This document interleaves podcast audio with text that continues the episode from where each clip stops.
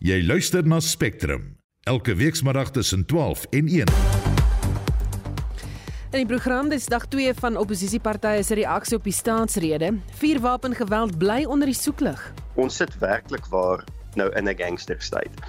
En die vlak van infiltrasie en en amper kan mense sê vasvang van die polisie is definitief in my persoonlike opinie dalk die grootste risiko vir nasionale sekuriteit en, en publieke veiligheid. En met die staatsrede agter die rug begin ekonome praat oor die begrotingsrede volgende week. Die span in die ateljee se redakteur Marlenae Forsie, produksieregisseur Daitrin Godfrey en ek is Susan Paxton. Daar is geen verkeer. Ons begin in Kaapstad op die N2 by die M3 suidafrit in die rigting van die stadstaande voertuig. Een baan word daar versper. In Mpumalanga is die R536 tussen Highview en Sabie vir verkeer gesluit en in KwaZulu-Natal op die N N3 Wes net na Chatterton weg staan 'n voertuig een baan word versper en op die N3 Oos net na Hilton weg staan 'n voertuig wat die linkerbaan daar versper.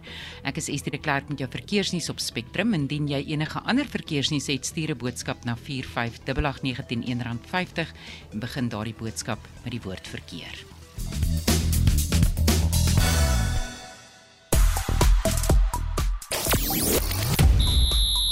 Australië neem beheer oor van groep 1 by die dames cricket wêreldbeker, maar Suid-Afrika se lot vir nou eers nog in eie hande. Selfs met die kampioene liga aan volle swang is vanaand se Premier Liga stryd tussen Man City en Arsenal, die een op wie almal fokus. En moet nie alles wat jy op Twitter lees glo nie. Elon Musk is nie van plan om Manchester United te koop nie. 'n Volledige bulletin volg net na 12:30. Op sosiale media is die hitsmerk Nadia al meer as 45000 keer gedeel met verwysing na Nadia Nakay, die vermoorde rapper AKA se meisie wat saam met sy ma Lynn Forbes by 'n media-konferensie opgedaag het. AKA is Vrydag aand in Durban doodgeskiet. En internasionaal met byna 200 000 tweets onder die hitsmerk Maria praat mense oor die Russiese joernalis Maria Ponomarenko wat gister deur 'n Russiese hof tot 6 jaar tronkstraf gefonnis is omdat sy Rusland se weermag gediskrediteer het met 'n plasing op sosiale media oor Rusland se lugaanval op 'n teater in Oekraïne in April verlede jaar. Sy is skuldig bevind dat sy vals nuus op sosiale media versprei het en sy is ook verban om ooit weer as 'n joernalis in Rusland te werk. Gepraat van die weermag, ons praat ook oor ons weermag. Gewapende magte dag vind volgende Dinsdag plaas en in aanloop daartoe praat ons later in die program oor verskeie kwessies eh, rondom hierdie weermag situasie in die land. Ons nooi jou uit om saam te praat. Watter kwessies staan vir jou uit? Wat is jou ervaring van die weermag en dink jy hulle staan hulle skoene vol? Die luisteraars sover stem nie saam nie. Ons weermag op die stadium beteken niks. 'n klein weermag soos Botswana sal oor ons hardloop. Ons weermag is absoluut swak. Ongedissiplineerd. Vuil skoene, vuil klere. Dis eintlik 'n skande as jy in die ou weermag was en jy sien hoe dit nou lyk. Dan skrik jy. Wat dink jy? Stuur vir ons 'n SMS na 45889 teen R1.50 per boodskap. Praat saam op ons Facebookblad of stuur vir ons 'n stemnota na 0765366961. Jy luister na Spectrum. Elke weekmiddag tussen 12 en 1. Dit is die tweede dag waarin oppositiepartye die geleentheid kry om te reageer op die staatsrede. Ons het vroeër berig dat dit wil voorkom of sommige oppositiepartye die parlementêre debat uh, oor verlede week se staatsrede skynbaar gebruik om hulle verkiesingsveldtogte vir volgende jaar se verkiesing te loods. Die DA en die EFF het hulle self as lewensvatbare alternatiewe vir die ANC regering voorgehou omdat hulle glo die hulle is enigste is met 'n werkbare oplossings vir die land se probleme. Die groot vraag oor die ramptoestand, wie die nuwe minister van energie gaan wees en wanneer die kabinet skommeling plaasvind, bly onbeantwoord. Ons praat nou met die dekaan van die Huguenot College skool vir sosiale innovasie professor Erwin Schuela. Goeiemôre Erwin. Middag Susan, middag luisteraars. Dit wil nie voorkom of die oppositiepartye die geleentheid gebruik om die president te druk vir antwoorde oor die ramptoestand, die nuwe minister of enige ander kwessie nie. Ek dink ons moet hierdie gesprek binne die raam plaas van die gehalte van 'n uh, regeerstelsel. En die gehalte van 'n regeringsstelsel is afhanklik van die gehalte van al die elemente van daai stelsel. en dit wil voorkom asof ons um, op verskillende maniere onder andere vanaf die president binne die presidentskap binne die regering maar toenemend ook uh, sien dat um, soos die gety uitgaan al die skepe in die hawe eintlik afsak na sinkrigting toe. So, um, ons het eintlik 'n krisis. Ons weet dit, dis 'n krisis wat ons op hande het. Wat is die reaksie wat ons kry? Ons kry van die president wat nou skynbaar sy normale werkswyse en denkwyse is, is kom ons uh, skop die blikkie in die pad af. Kom ons stel nog 'n bietjie uit. Kom ons dink nog 'n bietjie, kom ons konsulteer nog 'n bietjie en ons kom uiteindelik uit by die prioritisering van wat vir die party belangrik is. Ehm um, terselfdertyd lyk dit asof die die oppositiepartye en ander regeerinstellings daarop reageer met 'n vergelykbare reaksie om te sê nou ja, dit is nou wat dit is. Ehm um, ons het nou nie nodig om verskriklik na die stelsel te kyk nie. Ons kyk nou maar vir die korttermyn voordeel. Dit gaan ons nie goed dien nie. Daar is nou 'n absolute behoefte aan prioritisering van 'n klompie goed maar natuurlik die energiekrisis. Die president moet vir ons sê wat hy gaan doen. Hy kondig 'n ramptoestand af en dan daarna raak hy soos toe ehm um, hy vir 'n ruk lank net weggeraak het, raak hy weg. Ehm um, ons moet nou prioritiseer en die oppositie moet vra vra wat is die aksieplan in detail en aanhou vra totdat ons antwoorde kry. Ons het die meganisme om te verseker dat daar kritiese oorsig is soos hierdie debat, maar word dit dan nou behoorlik gebruik? Dit wil voorkom asof dit suboptimaal of onderbenut is. Um, dit is so daar moet natuurlik 'n uh, 'n uh, 'n uh, goeie uh, mate en daar's maar altyd politieke ry en daar is 'n verkiesing op hande en dis um, kan 'n mens ook sê die alternatief moet aangebied word, maar die alternatief moet in die konteks aangebied word van die alternatief tot die krisis wat ons nou het. Ja, in die algemeen kan 'n party of partye sê hulle kan beter regeer. Ehm um, dit uh, sê ook nie veel nie wat dit lyk my daar's 'n relatiewe goeie aanduiding dat enigiets gaan omtrent beter wees. Maar dan moet jy fokus, fokus, fokus. Die president moet fokus op uh wie nou in beheer is van hierdie krisis. Is dit die is dit die die die adjunkt president, is dit die nuwe minister van energie wat nog nie aangestel is nie, is dit die minister van ehm um, energie uh, wat vroeër aangestel is in terme van minerale en energie sake, is dit die minister um, en daar's omtrent 5 of 6 van hulle wat 'n mens kan noem dit moontlik is. Ons het nog nie iewers wat ek kon optel nie en ek kyk nogal 'n stel regulasies nou gekry om te sê maar dit is nou hoe die die die die die, die hierdie hele saak gaan uitspeel nie. Ehm um, so die ramptoestand is nou afgekondig. Dit wil voorkom asof dit dan nou vir ons almal 'n mate van gerusstelling moet gee om te sê hier's nou 'n krisis en ons gaan dalk nou een aandag gee. Kan ons regte en dat kragtige aksie sien om vir ons te sê sodat ons ingelig en kan ons oppositiepartye vra om dit absoluut aan te vra en te kry. Sê vir my Erwin, maar as ons nou die geleentheid kry om die president te vra, sal dit 'n verskil maak? Sal hy vir ons antwoorde hê, dink jy? Uh, uh, die patroon nou is is dat die dat die die president op een of ander manier hierdie goed ehm um, en dis 'n sterk woord uh, en en ek wil dit uh, nie noodwendig in 'n onetiese konnotasie uh, koppel nie maar dat dat hy in 'n sekere sin die goed uh, verswyg verdoesel ehm um, ehm um, weg wegkolf ehm um, en uiteindelik uh, kry ons nie antwoorde nie. Um, en dit is op die ou end vir die siege van die nasie glad nie goed nie. Dit het 'n impak 'n voortgesette uh verslegtende impak op vertroue in die regering en uiteindelik het dit ekonomiese, politieke en sosiale gevolge. Iemand moet op een of ander manier beheer neem. In 'n chaos moet jy beheer hê. Uh jy jy jy, jy kan sê dis 'n komplekse probleem en jy gaan baie konsulteer, maar hier is nou nie meer kompleksiteit nie, hierdie is nou chaos. En die teorie sê in in 'n chaotiese toestand moet iemand beheer neem en die beheer uitoefen en die goed terugkry op 'n soort spoor ehm um, waar daar nog spore oor is um, om die ding uh, reg te kry. Baie dankie. Dit was die dekaan van die Huguenot College Skool vir Sosiale Innovasie professor Erwin Schuela. 'n Ewige debat het uitgebreek oor die land se misdaadprobleem en die besit van wapens na die skietdood van die kletsrymer AKA. Die organisasie Gun Free South Africa sê sy dood is nog 'n rede hoekom vier wapens geheel en al verbân moet word. 'n Strategiese raadgewer by Gun Free South Africa, Jeremy Veery, het gister op Spectrum gesê dat die uitreik van vier wapenlisensies deur die registrateur van polisie ook heroorweeg moet word. Intussen sê die woordvoerder van die Suid-Afrikaanse Vereniging van Vuurwapen Eienaars Saga, Gideon Joubert, dat daar 'n oplossing uit die openbare sektor moet kom om die misdaadprobleem op te los? Dis nie meer georganiseerde misdaad onderwêreld nie. Dis nou mense kan eintlik 'n industrie noem. As 'n mens begin kyk hoe hierdie verskillende syndikaate en misdaadgroepe met mekaar geweef is en hoe hulle met mekaar handel dryf en nie net kompeteer nie.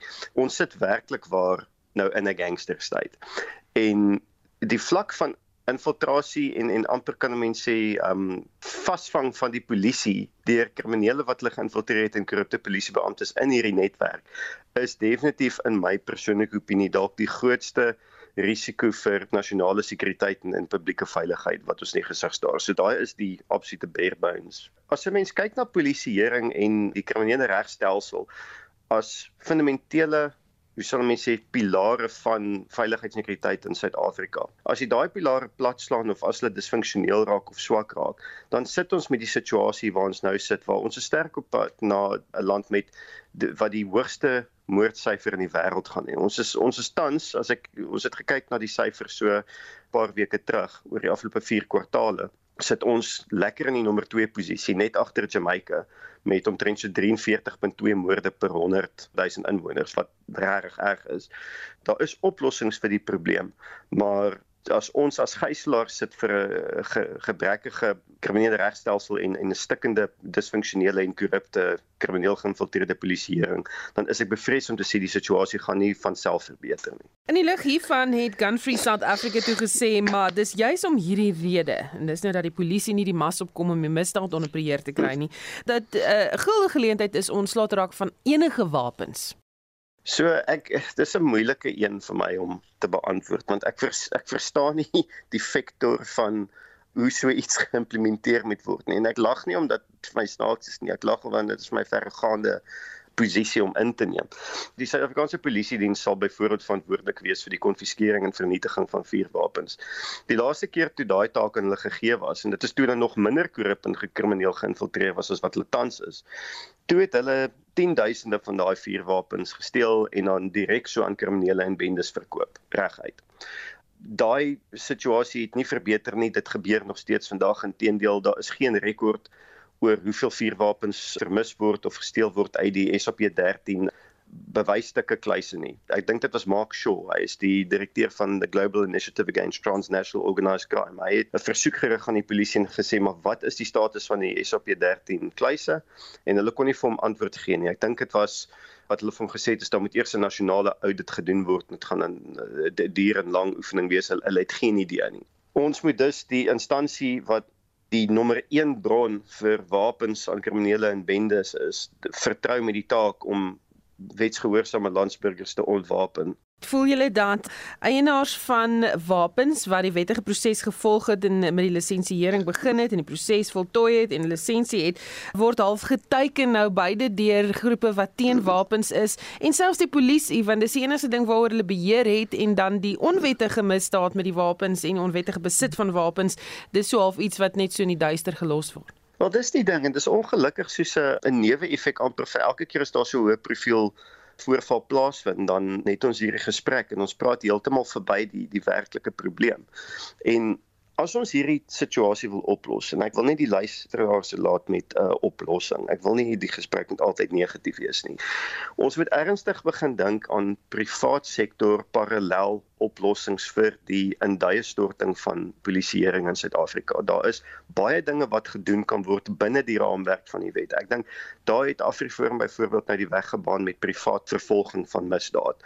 Dit is een aspek van dit. Daar is verskeie ander dinge waar mense hande kan vat en betrokke kan raak in verskeie gemeenskappe mekaar ondersteun en noemenswaardige verskil maak aan misdaad daar, maar dit verg tyd, moeite en betrokkenheid. En dit was die woordvoerder van die Suid-Afrikaanse Vereniging van Vuurwapeneienaars, eh, Saga Gideon Huber.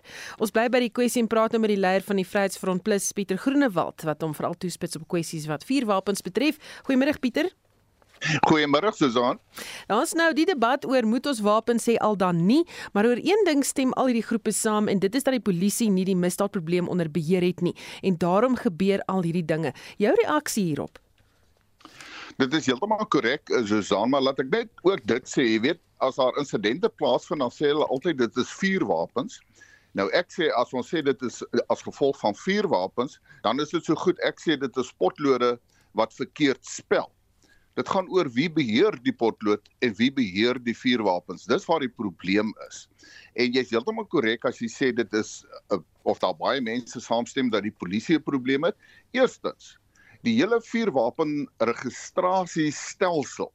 Dan sluit ek nou in die uh, sertifikate, die lisensies en alles is nie behoorlik en word nie behoorlik geadministreer nie want as jy 'n behoorlike kontrole het oor mense wat vuurwapens het wie het dit, waar dit is, dan is dit al klare verbetering. Jou groot probleem gaan hier oor onwettige vuurwapens. En dan sê ek die polisie self is een van die groot bronne van hierdie onwettige vuurwapens. Ek het byvoorbeeld 'n vraag aan die minister gevra in die parlement en dit gaan oor rooftogte by polisiestasies wat hy vir my Oktober verlede jaar die antwoord gegee het. Nou hy is ook nie heeltemal korrek nie, want hy het byvoorbeeld gesê daar was geen rooftogte van polisiestasies in 21-22 finansiële jaar nie, terwyl daar wel was. Uh ek het 'n opvolgvraag vir hom, hy kan nie my antwoord nie, maar net om 'n idee te gee. Uh die antwoord wat hy vir my gegee het in 'n kwessie van 'n tydperk van omtrent 2-3 jaar was daar 13 polisiestasies wat beroof was van daardie 13 polisiestasies was daar 52 vuurwapens wat uh byvoorbeeld net by een plek gesteel is. In totaal is dit 78 vuurwapens wat gesteel was deur rooftogte, net rooftogte alleen en ongeveer 1000 rondes ammunisie. En nou kom ons by die probleem. Daar was 24 mense gearresteer. Maar toe die antwoord gegee is, word dit erken nog geen een van die persone wat gearresteer is is suksesvol vervolg nie. Hmm. En dit is ons groot probleem in Suid-Afrika. Die mense kom weg met misdade, dis ernstige misdade, maar straffeloosheid het 'n groot probleem geword. Goed en dan die voorstel dat daar uit die privaat sektor 'n oplossing moet kom vir die misdaadprobleem. Wat dink jy daarvan? Ek het dit al lankal gesê, die hele registrasieproses kan gehanteer word deur die privaat sektor. Die privaat sektor het dit al aangebied dit gaan dit baie vergemaklik. Ek meen ek het al die sentrale vuurwapenregister besoek. Dit is totale chaos, die goed wat in die gange staan, oorbeweeg van een kantoor kompleks na 'n ander een ensovoorts ensovoorts. Die private sektor kan dit behoorlik uh, beheer. Ek dink soos dan ons moet vir ons luisteraars sê, met die moderne tegnologie en eh, 'n tipe van 'n pinkode soos hulle sal sê, is dit eintlik nie moeilik om vuurwapens behoorlik na te speur en te volg nie. Uh maar die Suid-Afrikaanse Polisie Diens wil nie van daardie tegnologie gebruik maak nie. Hulle wil nie graag die private sektor betrek nie.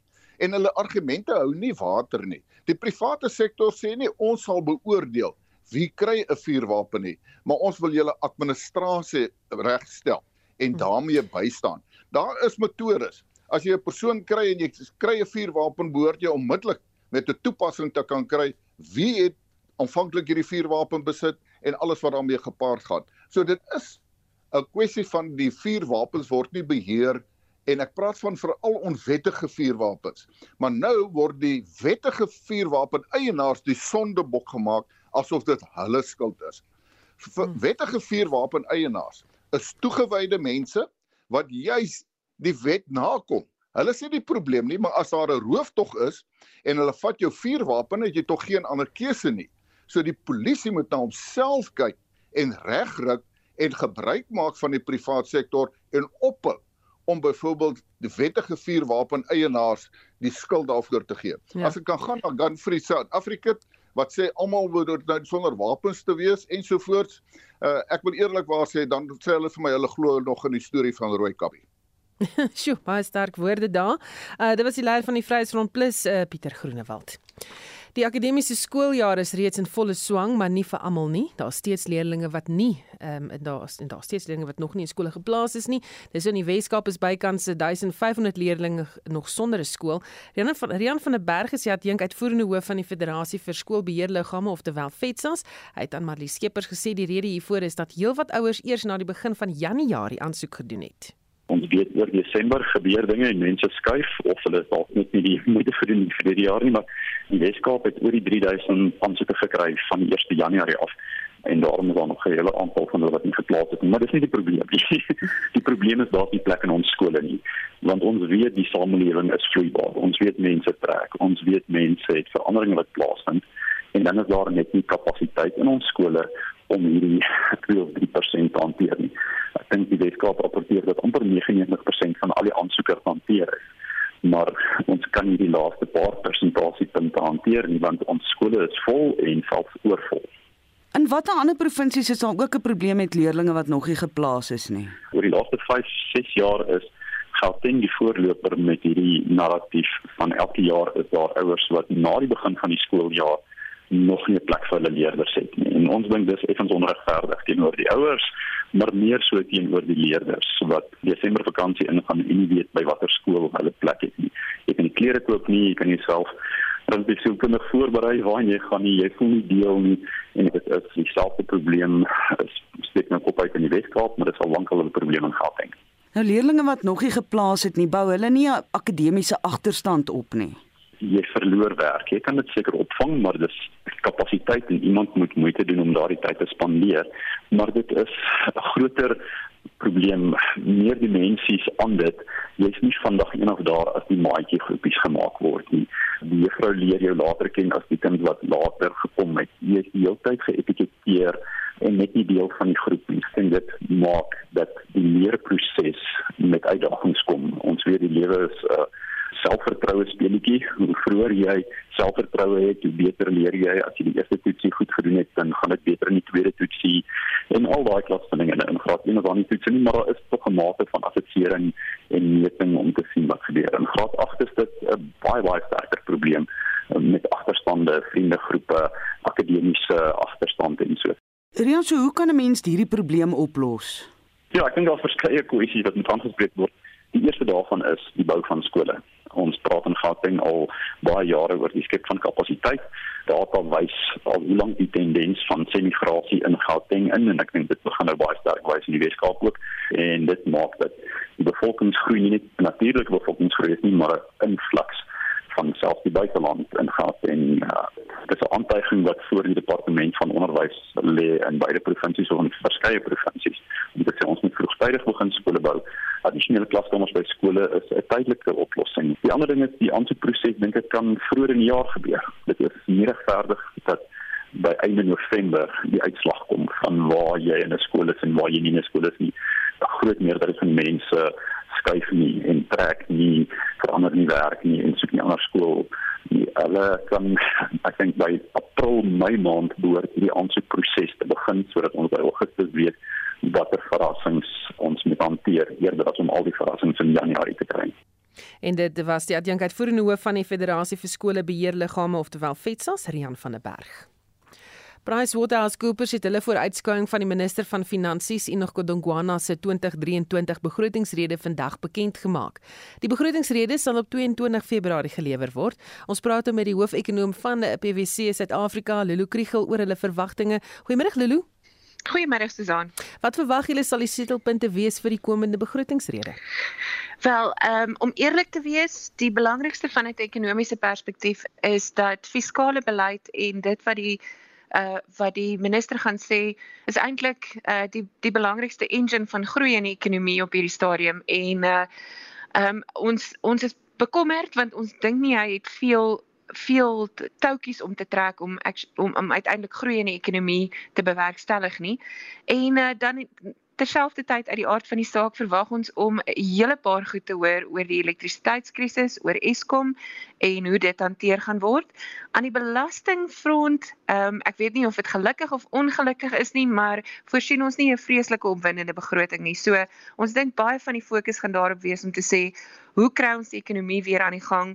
Hoe los ons van die probleme wat ons het en en veral vir rondom beerdkrag en elektrisiteitskrisis? Hoe los ons van dit op? Hoe voorspel julle gaan die regering die fondse verdeel om die kragkrisis te takel en van watter bydrae praat ons hier dink jy? Ja, dit is dit, dit is my al lankal 'n bietjie van 'n kopseer want uh, ons sê gereeld mekaar uh, die regering gaan daarna kyk om van Eskom se skuld op sy balansstaat te sit, maar uiteindelik is die regering reeds verantwoordelik uh, vir Eskom se skuld. Uh, so dis eintlik maar net um, maar net 'n 'n fisiologiese of of hoe sal dit psigologiese um, beweging wat hulle gaan maak om te sê maar kom ons sit Eskom se skuld op ons balansstaat. Ehm um, so dit is een van die goed wat ons wel verwag om gaan om om te hoor.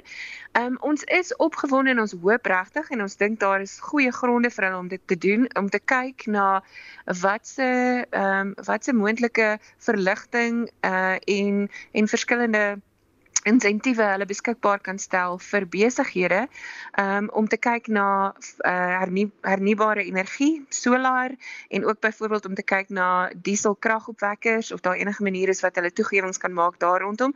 So ons verwag om 'n paar goed te hoor uh van vanuit daardie perspektief. Nou 'n tweede ramptoestand is ook afgekondig vanweë die wydverspreide oorstromings in die land. Kan die land dit bekostig om twee ramptoestande tergelyktydig te takel?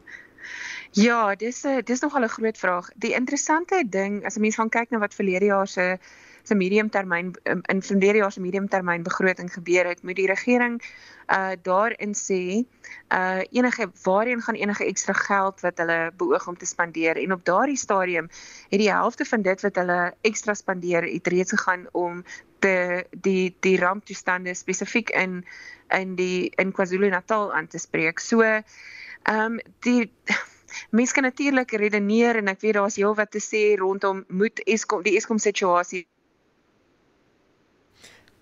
Lilus, ek ek is nie, nie gelig om dit te doen nie. Goed, jy jy's bietjie besig om weg te breek daar ek ek nou laaste afgelei jy's nie ingelig om heeltemal 'n voorspelling te maak nie, maar uh, wat is julle groei uit voor uh, weet groei vooruitskatting? Ja, ons is 'n bietjie meer optimisties as die Reserwebank wat nie baie gebeur nie. So ons ek dink dis 'n dis goeie nuus. Ehm uh, maar uh dit beteken dat uh ons ons verwag groei in die omgewing van omtrent 1.5% en ek het met 'n hele paar mense al gepraat wat sê, "Sjoe, julle is optimisties." En as ons opgewonde raak en sê 1.5% groei is optimisties, dan is ek baie baie bekommerd oor uh wat die verwagtinge is vir die ekonomie om hierdie op op hierdie stadium. So uh, ons is bietjie meer optimisties as die Reserwebank. Dit gaan interessant wees om te sien wat die tesourier mee vorendag kom, want gewoonlik is hulle vooruitskattinge en die Reserwebank se vooruitskattinge nie te ver uit mekaar uit nie. Baie dankie, dit was die hoofekonoom van PwC Suid-Afrika, Lulu Kriel. Jy luister na Spectrum elke weekmiddag tussen 12 en 1.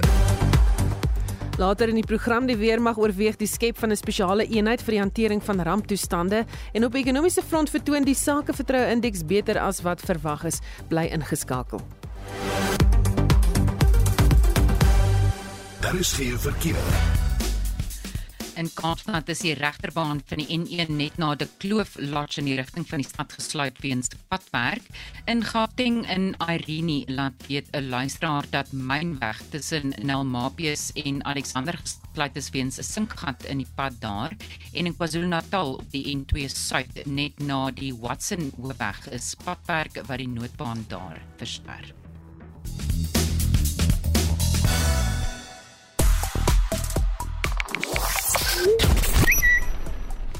Op sosiale media gons dit steeds oor die staatsrede debat gister onder die uitsmerke Bekkie Cele, die minister van polisie word verwys na aantuigings deur die EFF-leier Julius Malema dat die polisie na bewering betrokke was in die beplanning van 'n sluipmoordaanval op die EFF se adjunkpresident Floyd Shivambu. En ons gesels natuurlik oor die weermag en wat dink jy op hierdie stadium wat is die rol van die weermag en vervul hy daardie rol? En ek sien dat Konrad in die Wesrand sê en ek moet gou die SMS mooi terugkry hier. 'n Dag ons soldate is goed, maar vliegtye staan op die grond en duikbote lê in die droog dokke en uh, dan sê die persoon verder, dis nou Konrad, hoe offisiere, hoe offisiere skader ontplooiings en dikwels onbevoeg soldate moet hewiglik gefrustreerd wees sê hy. En dan nog 'n luisteraar wat sê dat die weermag word gebruik vir werkskepping. Het al daardie generaals en offisiere ooit militêre opleiding ontvang, kan die troepe ooit nog marseer. En dan uh, Piet Makwas uit die Oeverberg sê, um, ons weermag is 'n groot hartseer. As oud soldaat wat my lewe lank deel was van een van die beste weermagte ter wêreld, maak dit mens siels ongelukkig om ons huidige weermag te aanskou. En nog 'n luisteraar wat sê, luister die weermagmanne van Tempe, dis in Bloemfontein wat ek sien is baie netjies met blink skoene. Daar word opleiding gedoen daar. En dan sê nog 'n luisteraar, uh, beide my kinders is in die weermag. Hulle opleiding is en was staan hulle dissipline vriende en hulle werk geleer. Hulle is trots op hulle uniform en werk en ek is trots om te sê dat hulle deel van die weermag is. Nou sommige luisteraars wat so klippe gooi het geen idee wat daar aangaan nie. Soos enige organisasies daar ook probleme, maar om die meerderheid as uh, sleg en onbevoegd te verklaar is onregverdig. Dis wat Marina vir ons laat weet.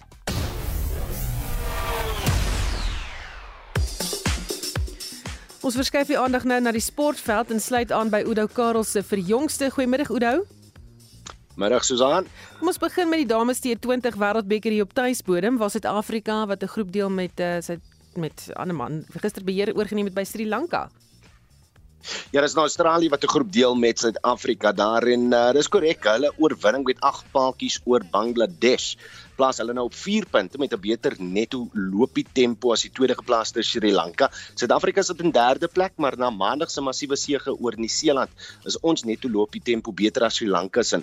So nou moet ons hoop Australië kan môre uh, wanneer hulle Sri Lanka te speel of dat ons moet hoop dat Australië hulle verpletter, dan gee dit ons die beste kans om met ons twee wedstryde wat oorbly, dis nou teen Australië Saterdag en Bangladesh volgende Dinsdag om te kwalifiseer vir die halfeindstryd, maar dit kan nog heelwat ingewikkeld ontwikkel word. In vandag se aksie speel Indië wat in tweede posisie is in groep 2 teen die span heel onder aan die punte leer. Dit is nou die Wes-Indiese eilande. Die wedstryd begin 3 uur. Ierland en Pakistan is ook op soek na hul eerste oorwinnings in die toernooi. Die twee spanne speel net na 7 uur albei wedstryde vind op Nieuweland plaas. Ons mans binne sy se hokkiespan het geskiedenis gemaak die naweek toe hulle die kwart eindstryd van die Wêreldbeker gehaal het, maar ek sien nou slegte nuus vir ons uh, span. Ja, Susan die uh, SA Hockey Assosiasie het gister bekend gemaak dat hulle ons mans veldhokkiespan onttrek het die internasionale hokkie federasie se Pro Liga. Dis nou die wêreld se topkompetisie so tussen in die wêreldkampioenskappe en Olimpiese spele en so voort. So SA Hockey het ook nie 'n rede gegee vir die besluit nie. Uh en uh, van die spelers wat tans in die span is, het ook met skok gereageer op die nuus en dit wil sê hulle was ook nie geraadpleeg of uh in hy samesprekings uh, ten tye van die besluit nie. Ons word voortaan deur uh, Ierland vervang. Groot sokker aan die gang ook vanaand.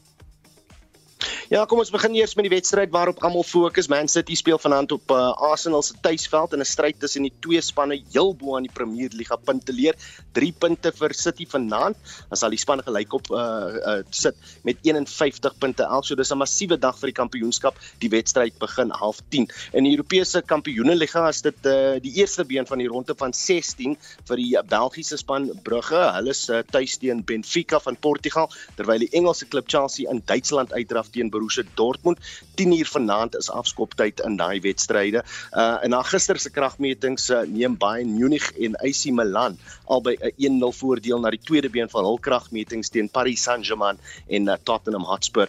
Hier op tuisbodem Champions United het gisteraand 'n uh, strafdoele nodig gehad teen Polokwane City om die laaste span te wees om te kwalifiseer vir die ronde van 16. Dis nou in ons Nedbank beker. Die wedstryde vir die ronde van 16 word vanaand na 6uur bekend gemaak. En voor ons groet gaan Elon Musk nou vir Manchester United koop of nie? Wel, Susanne blyk my die Suid-Afrikaanse gebore miljardêr uh, miljardêr het uh, Twitter gekoop om die wêreld se grootste grappies te word. Hy het verlede week 'n uh, tweet geplaas wat sê hy ondersteun die regtervleuel van die demokrate en die linkervleuel van die uh, republikeine in Amerika en oorterloops uh, hy's ook van plan om Manchester United te koop. Uh, hy tweet toe later dat dit net 'n grap was, maar sou hy 'n sportklub koop, uh, sou dit United gewees het want uh, hy het hulle as 'n kind geondersteun. Uh wat wel aan die gang is ten opsigte van die Engelse sokkerklub is dat die voorstaande kopers tot Vrydag het om die hoogste bi in te sit. Uh sover is Brittanje se rykste man, heer Jim Ratcliffe, die enigste moontlike koper om sy wens te openbaar. So dankie Elon Musk, baie dankie vir niks namens al die Man United ondersteuners wêreldwyd. Ten minste was daar 'n grappie. en dit was Udo Karls met die jongste sportnuus. Jy luister na Spectrum. Elke week saterdag tussen 12 en 1. Die Suid-Afrikaanse vloot beplan om sy vlootbasis van Durban na Richards Bay in Noord-KwaZulu-Natal te verskuif. Die aankondiging is in Richards Bay gemaak met die bekendstelling van Weermagdag wat Suid-Afrika se ergste oorlogsvloottragedie herdenk toe die bemanningsskip die SS Mendi in 1917 in die Engelse Kanaal gesink het.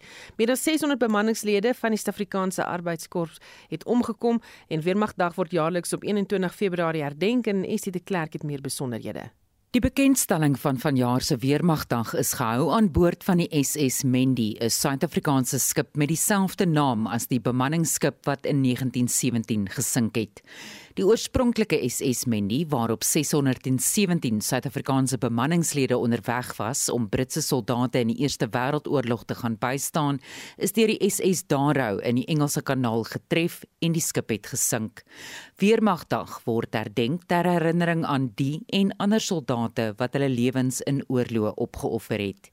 Die hoof van die Suid-Afrikaanse vloot, Visie-admiraal Mondelo Besi, sê die vlootbasis sal van Durban na Richards Bay verskuif word.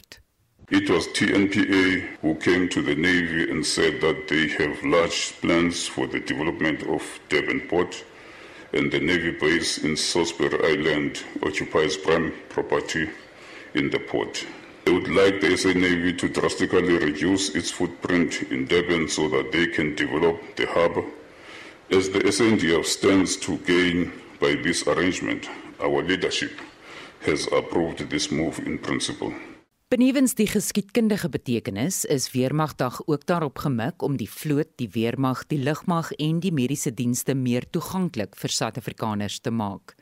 Die weermag is ontplooi om te help om KwaZulu-Natal te herbou na rampspoedige vloedskade in April verlede jaar groot verwoesting in die provinsie gesaai het en die lewens van 400 mense geëis het.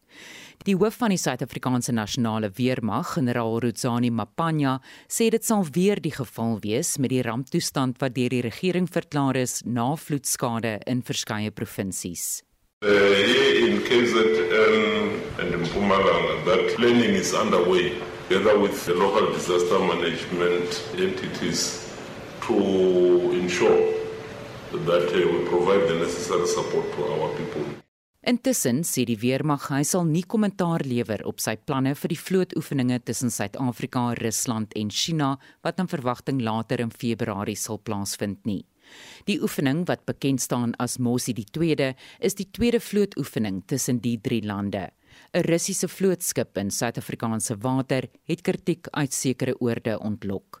Die personeelhoof van die weermag, luitenant-generaal Michael Ramatswana, sê dis nie die eerste keer dat Suid-Afrika deelneem aan multilaterale oefeninge met die buiteland nie.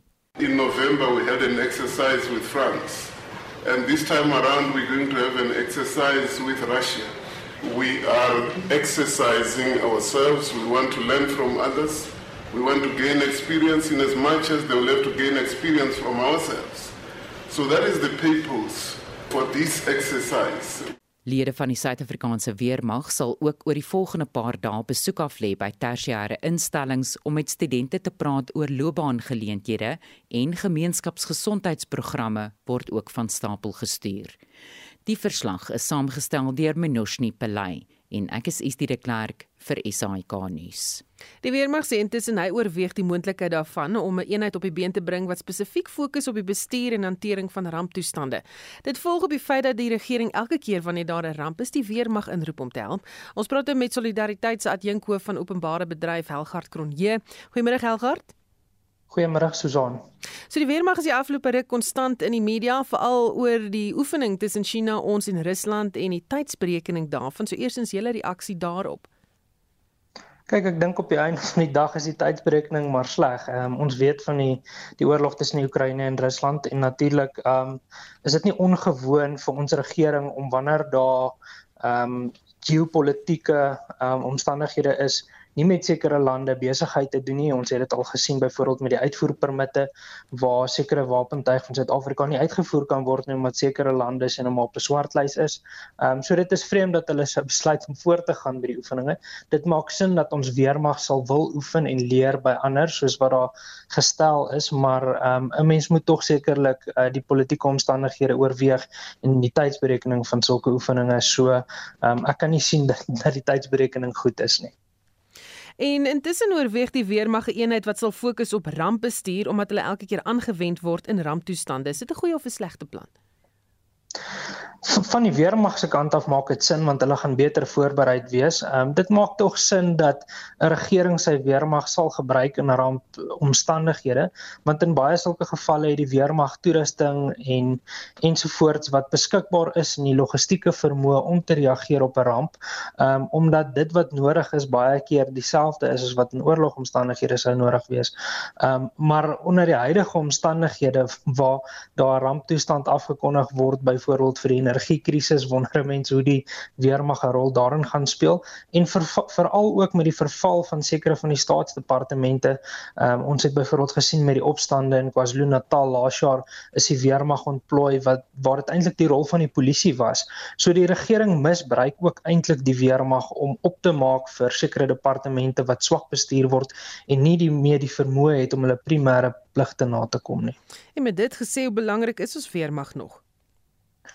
Die weermag is altyd belangrik. Ehm um, hulle beskerm die soewereiniteit van die land en mens moet altyd 'n sterk weermag natuurlik hê om jou grense te kan beskerm en ek dink dit is natuurlik vir ons baie vrae kan vra ehm um, oor of ons huidige weermag wel die vermoë het om ons landsgrense te beskerm. Met die toestand waarin Denel homself bevind, ehm um, jy weet dit 'n ou baie vrae oor die weermag se toerusting, die lugmag se toerusting, die vloot se toerusting en of alles goed onderhou en in stand gehou word. Ehm um, ek twyfel of dit die geval is. So daar's baie vrae rondom dit. Ehm um, en of daai geld van die weermag wel dan aan so 'n rampafdeling spandeer moet word is 'n baie geldige vraag. Baie dankie. Dit was Solidariteit se adjunkhoof van Openbare Bedryf Helgard Kronje. Ons bly by die storie en praat nou met die nasionale sekretaris van die Suid-Afrikaanse Nasionale Weermag Unie Pikkie Greef. Goeiemôre Pikkie. Goeiemôre, middag aan die luisteraars. So wat is jou reaksie dat die vlootbasis van Durban na Richards Bay verskuif gaan word? Ja, ek dink die eerste reaksie sou wees dit uh is onmoontlik dat dit ooit sal gebeur gegee wat die weermag se huidige finansiële penarie. Ek dink dit is maar 'n 'n 'n wenslys wat die weermag het en ek dink as ons realisties is, moet ons almal besef dit sal nooit gebeur nie. En uh, dan ook die idee dat hulle moet 'n uh, ramptoestand of 'n uh, jy weet maar afdeling skep om uh, weet die noodtoestande te kan help mee. Ja, ek dink dit is uh oorbodig in die weermag in die sin dat die bestaande eenhede wat ontplooi word is kom ons vat byvoorbeeld die mediese dienste uh, wat natuurlik tipies in vloede ontplooi word of in tydens 'n ramptoestand om beseerdes en en en dies meer te red of mediese sorg te gee en die lugmag wat natuurlik die mense lig uit vloede uit en so aan. Uh, Daai elemente bestaan reeds in die weermag. Uh dit gaan oor gekombineerde uh, bevel en beheer dit bestaan ook reeds in die weermag. Uh om dit nou onder een eenheid te gaan gooi, laat allerlei vrae ontstaan binne in die weermag met sy begroting en dit is uh gaan daar nuwe poste geskep word vir dit. Uh gaan daar 'n perseel wees van waar sentraal die uh betrokke eenheid gaan werk, gaan hy iewers gestasioneer wees, wat gaan sy elemente wees, gaan hy 'n vlugelemente, uh vlieg uh, met ander woorde lug uh kapasiteit hê, uh gaan hy 'n mediese komponent hê? Uh, en as mens al daai goed saamgooi in een eenheid, dan besef jy dis eintlik onnodig want al daai goed bestaan reeds in die weermag dit is maar net 'n kwessie van om dit te koördineer en 'n behoorlike koördinasieplan te hê wat sê wanneer 'n ramptoestand uh, afgekondig word, werk die verskillende weermagsdele soos volg saam en dit uit te sit in uiteen te sit in 'n plan. Dis on myns insiens in die Unie se insiens onnodig om 'n aparte eenheid daarvoor te skep. Wat dink jy is belangriker kwessies wat eerder nou aandag nodig? Wel ek dink die, die ding wat nou aandag benodig is die begroting van die weermag. Uh weet die begroting is 'n uh, 'n uh, 'n probleem want uh, soos die vorige kommentator tereg op, opgemerk het, uh, daar hang 'n vraagteken rondom die uh toestand van die weermag of die onderhoud van van weermag toerusting en uitrusting.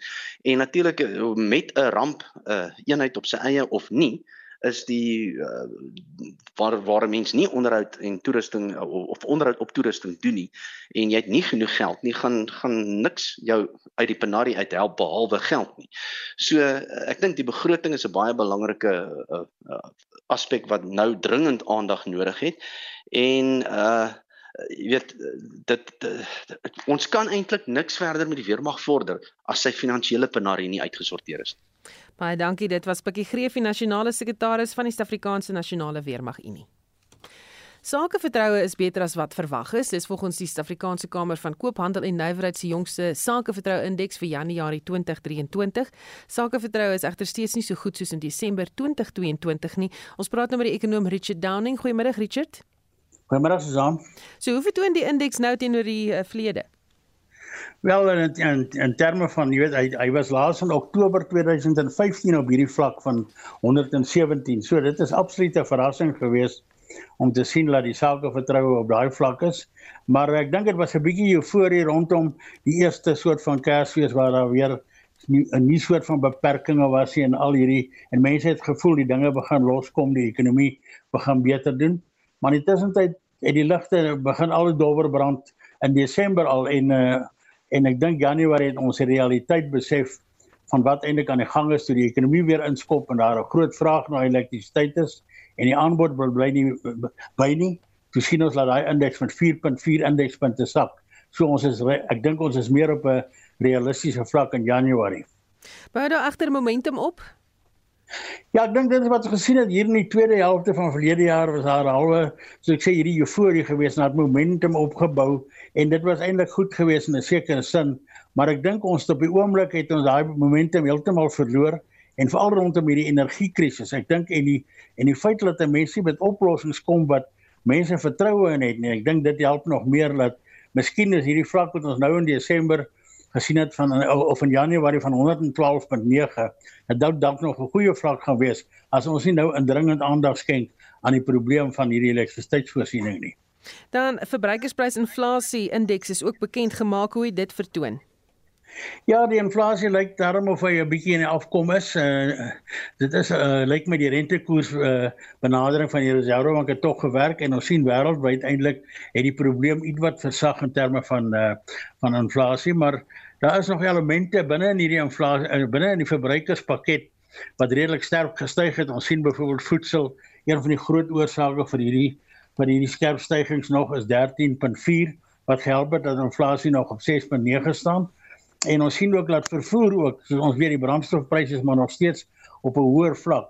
Maar aan die positiewe kant moet ons sê daar is party van ons uh die dele van die pakket wat eintlik nogal redelik positief gedoen het as ons nou maar dink aan duursame goedere en nie duursame goedere nie. Hulle het so met hierdie omgewing van 3 en 5% gestyg wat heelwat laer is as die algemene prysstygings wat die verbruiker ervaar het. En hoe verskil dit van provinsie tot provinsie? Wel provinsie is nogal interessant, dit is ook 'n groot verskil. Ek met jou landelike provinsies waar soos ons gesê die voedselpryse was een van die groot elemente wat skerp gestyg het hier oor die 13% en waar jou armoede vraagstuk en en die, en die landelike provinsies eintlik die swaarste gekry het, sien ons dat byvoorbeeld in die, in 'n provinsie soos die Vrystaat en so aan wat hulle hulle inflasie ervaar hier van 8.4% en wat heelwat hoër is as hierdie 6.9. So dit verskil maar van provinsie provinsie en dan jou meer ryker provinsies soos die Wes-Kaap het natuurlik redelik laer inflasie want hulle spandeer natuurlik meer op hierdie die meer luukse tipe goedere. So dit verskil maar tussen provinsie en provinsie. Baie dankie, dit was die ekonom Richard Downing. Marlies Skeepers het vir ons die jongste nuus en ontwikkelende stories van die afgelope uur dopgehou. Gunfree South Africa spreek homself sterk uit dat alle vuurwapens uit die samelewing verwyder moet word om misdaad te beveg en te oorwin. Dit volg nou na die skietdood van die kletsrymer AKA. Maar die woordvoerder van die Suid-Afrikaanse Vereniging van Vuurwapen-eienaars, Gideon Joubert, sê dit is nie die oplossing nie, veral nie omdat misdaadsyndikaate die polisie mag op verskeie gebiede lankal geïnfiltreer het nie. Toe het hulle 10000de van daai vuurwapens gesteel en dan direk so aan kriminele en bendes verkoop reguit. Daai situasie het nie verbeter nie, dit gebeur nog steeds vandag inteendeel daar is geen rekord oor hoeveel vuurwapens vermis word of gesteel word uit die SAP 13 bewysstukke kluise nie. Ek dink dit was Mark Shaw, hy is die direkteur van the Global Initiative Against Transnational Organised Crime. Hy het 'n versoek gerig aan die polisie en gesê maar wat is die status van die SAP13 kluise en hulle kon nie vir hom antwoord gee nie. Ek dink dit was wat hulle van gesê het is daar moet eers 'n nasionale audit gedoen word met gaan 'n duur en lang oefening wees. Hulle het geen idee nie. Ons moet dus die instansie wat die nommer 1 bron vir wapens aan kriminele en bendes is vertrou met die taak om wetsgehoorsame landsburgers te ontwapen. In Kumasi in Mpumalanga word 45 gesinne in 'n sorgsentrum gehuisves en 51 gesinne vind skuilings by 'n plaaslike skool nadat hul huise tydens die oorstromings vernietig is. Die burgemeester, Pindile Magagula, sê 55 nedersettings is deur die ewige reën en gevolglike oorstromings getref. Polisieduikers soek steeds na vier vermistes, waaronder 'n leerling wat deur 'n rivier meegesleer is. Magagula vertel van die vordering wat in die munisipaliteit gemaak word. Trying to distribute disaster relief material, which is your blanket, uh, food parcels, hygiene packages, even clothes from the gift of the givers. We also uh, managed to reconstruct the bridge that has been washed away by rain from Sambokulu to Kombaso. We also managed to try and redirect the water uh, from Luluma. We're also having uh, 10 teams that are down to all the villages trying to verify the damage that has been done. We're also going to fix the road, especially going to Graveyard because they're all damaged. Dan berig die BBC dat die Withuis aangekondig het dat die drie vreemde vleiende voorwerpe wat hy die naweek afgeskiet het, geen gevaar ingehou het nie. 'n Woordvoerder van die Withuis, John Kirby, sê die voorwerpe kan verbind word met kommersiële en of navorsingsentiteite. Beijing het Amerika vroeër daarvan beskuldig dat hy oorreageer en wel so China dit stel, trigger happy is. Dis nou nadat die Amerikaners die eerste vreemde vleiende voorwerp afgeskiet het wat hulle gedoop het China se spionasie lugballon. En dit was Marlies Skeepers met 'n oorsig van die jongste nuus. Nou, ons het vir gevra wat dink jy van ons weermag speel hy nog 'n rol en Jacques niemand wat sê die weermag is goed genoeg om brande te blus wanneer die rykes se huise bedreig word. Die weermag is goed genoeg om te help wet en orde handhaaf wanneer KwaZulu-Natal afgebreek en afgebrand word. Die weermag is goed genoeg om noodvoorraad na rampgebiede te vervoer. Die weermag is gesog as waterputte en gate gemaak moet word waar daar waternood is en die weermag is goed genoeg as hulle medisy met rampe en pla moet help. Om die vraag te beantwoord ja, ons het 'n weermag nodig, maar 'n weermag wat met 'n eisterhand beheer word wat dissipline het en wie se toerusting en uitrusting nuut, modern en diensbaar is. Dis 'n luisteraar wat dit daar op Facebook vir ons geskryf het. Jy kan steeds gaan deelneem aan daardie gesprek daar en dan op die SMS lyn ehm um, het Konrad nog so uh, iets te sê ook oor die wapens waar ons gepraat het. Hy sê dag 4 wapens is nie die oorsaak van misdaad nie. 4 wapens loop nie rond en skiet mense nie. 'n Vinger moet die sneller trek. Wat was die kaliber van die klipstok waarmee Kain vir Abel doodgeslaan het behalwe amptelike wapens wapens wat vir die polisie ehm um, wat by hulle geroof word word ook duisende jaarliks net verloor sê hy. Dankie dat jy vandag saam gesels het. Onthou om vanmiddag om kwart voor 6 in te skakel vir Brandpunt en Udo Karelse is ook môreoggend op sy pos tussen 6 en 7 met Monitor. Ons het namens ons uitvoerende regisseur Nicoline de Wee, redakteur Marlene Forsie en ons produksieregisseur Daitrin Godfrey. My naam is Susan Paxton. Geniet jou middag.